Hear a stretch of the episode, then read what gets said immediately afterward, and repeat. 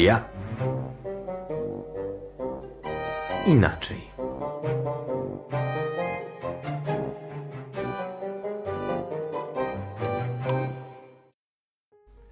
Czasem w nocy przez chwilę słyszę mówiącą do mnie ciszę.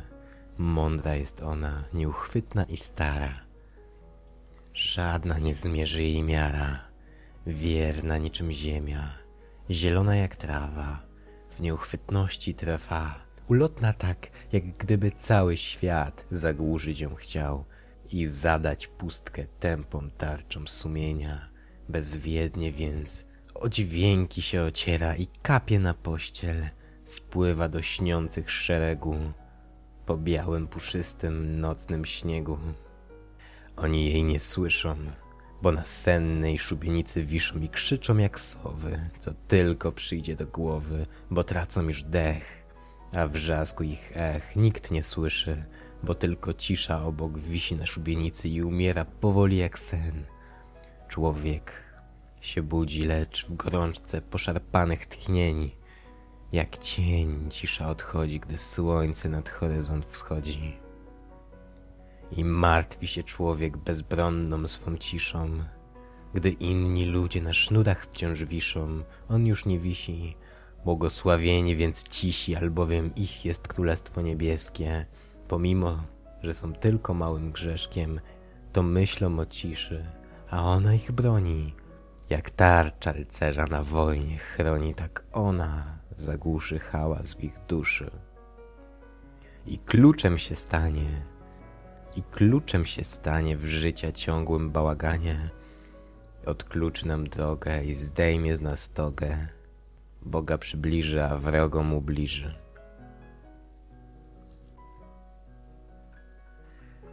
Witajcie, kochani. Opowiem wam coś.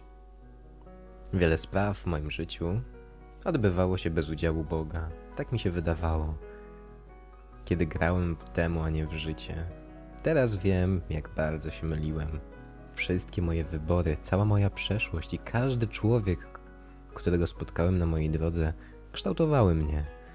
Niczym woda skałę, rzeźbiły mnie okoliczności, problemy, pomysły, zachwyty czy łzy. Dziś jestem naprawdę sobą, ale nie zawsze tak było. Kiedy byłem mały, dzieciństwo spędziłem na bieganiu po trawie i obserwowaniu dymu z komina domu, w którym mieszkałem. Myślałem, że ludzie dzielą się na dobrych i złych. I z takim przeświadczeniem właśnie wyrosłem na nijakiego mdłego człowieka bez smaku, koloru czy zapachu. Będąc dzieckiem, cierpiałem na coś, co nazywam zespołem miecza. Miałem swój świat i nikogo nie wpuszczałem na długość żelaznej klingi, a za wtargnięcie do mojego świata gotów byłem obciąć głowę. Mój miecz zamykał mnie w bezpiecznym kręgu, w którym fantastycznie spędzałem czas sam ze sobą. Nie bawiłem się z innymi dziećmi, nie miałem kolegów w przedszkolu i podstawówce. Bałem się ludzi i nie lubiłem być z nimi. Uważałem wszystkich za głupszych od siebie, paradoksalnie mając jakieś zaburzenia psychologiczne. Mama zabierała mnie na jakieś zajęcia do psychologów, na specjalne grupki integracyjne, indywidualne sesje z pedagogiem, zajęcia wyrównawcze, gimnastykę korekcyjną i to wszystko na nic. Nic nie pomogło.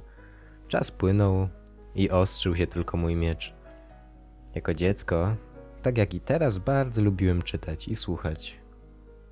Nie lubiłem mówić i oglądać. I to mi w zasadzie zostało do dziś. Poza tym, tamten Waldek nie istnieje. Jak to się stało? Hmm, jak wspomniałem, pomimo tego, kim byłem, moja przeszłość mnie ukształtowała. Jako jedyny dziesięciolatek w szkole miałem poglądy. Nabywałem je mm, czytając poezję Kaczmarskiego, Myszkowskiego, Norwida czy Rybowskiego w końcu Stachury. Mm, tak, dziesięciolatek czytał poezję. Ona bardzo duży wpływ dla mnie miała, ponieważ ona nauczyła mnie, że nie ma dla mnie nic niemożliwego. I to założenie było kluczowe do poznaniu Boga. Nie mając nic, byłem bogatszy od wszystkich rówieśników, bo nie istniały dla mnie granice.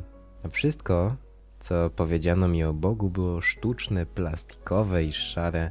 Zacząłem więc czytać Biblię i przyjmowałem ją z radością i pewnością, że ona jest dla mnie otwarta.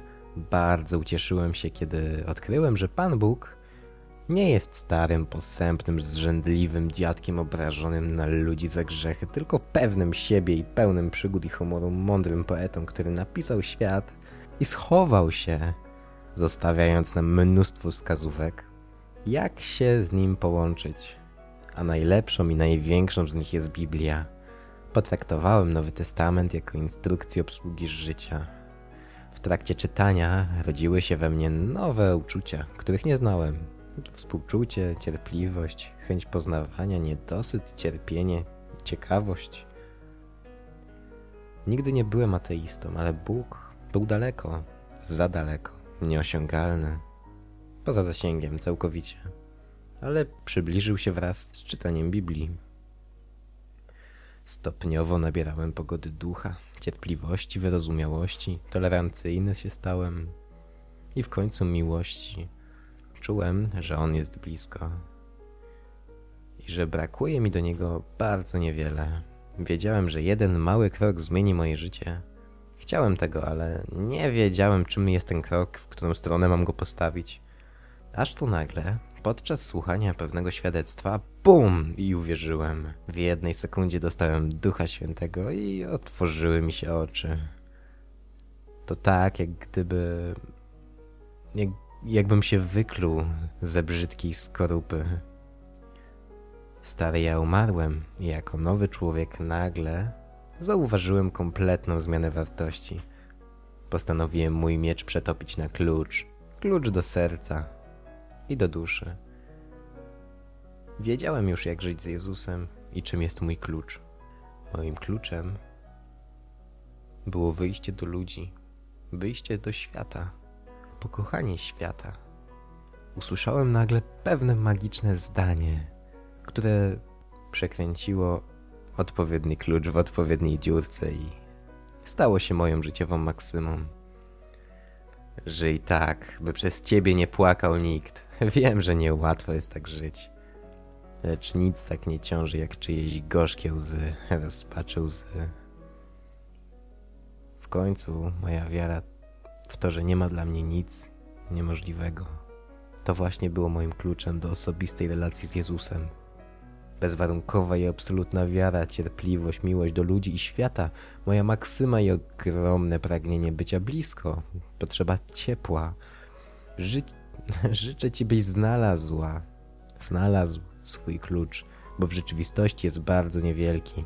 I pamiętaj, że i tak, by przez Ciebie nie płakał nikt. Wiem, że niełatwo jest tak żyć, lecz nic tak nie ciąży jak czyjeś gorzkie łzy, rozpaczy łzy a będzie bosko, dosłownie i w przenośni.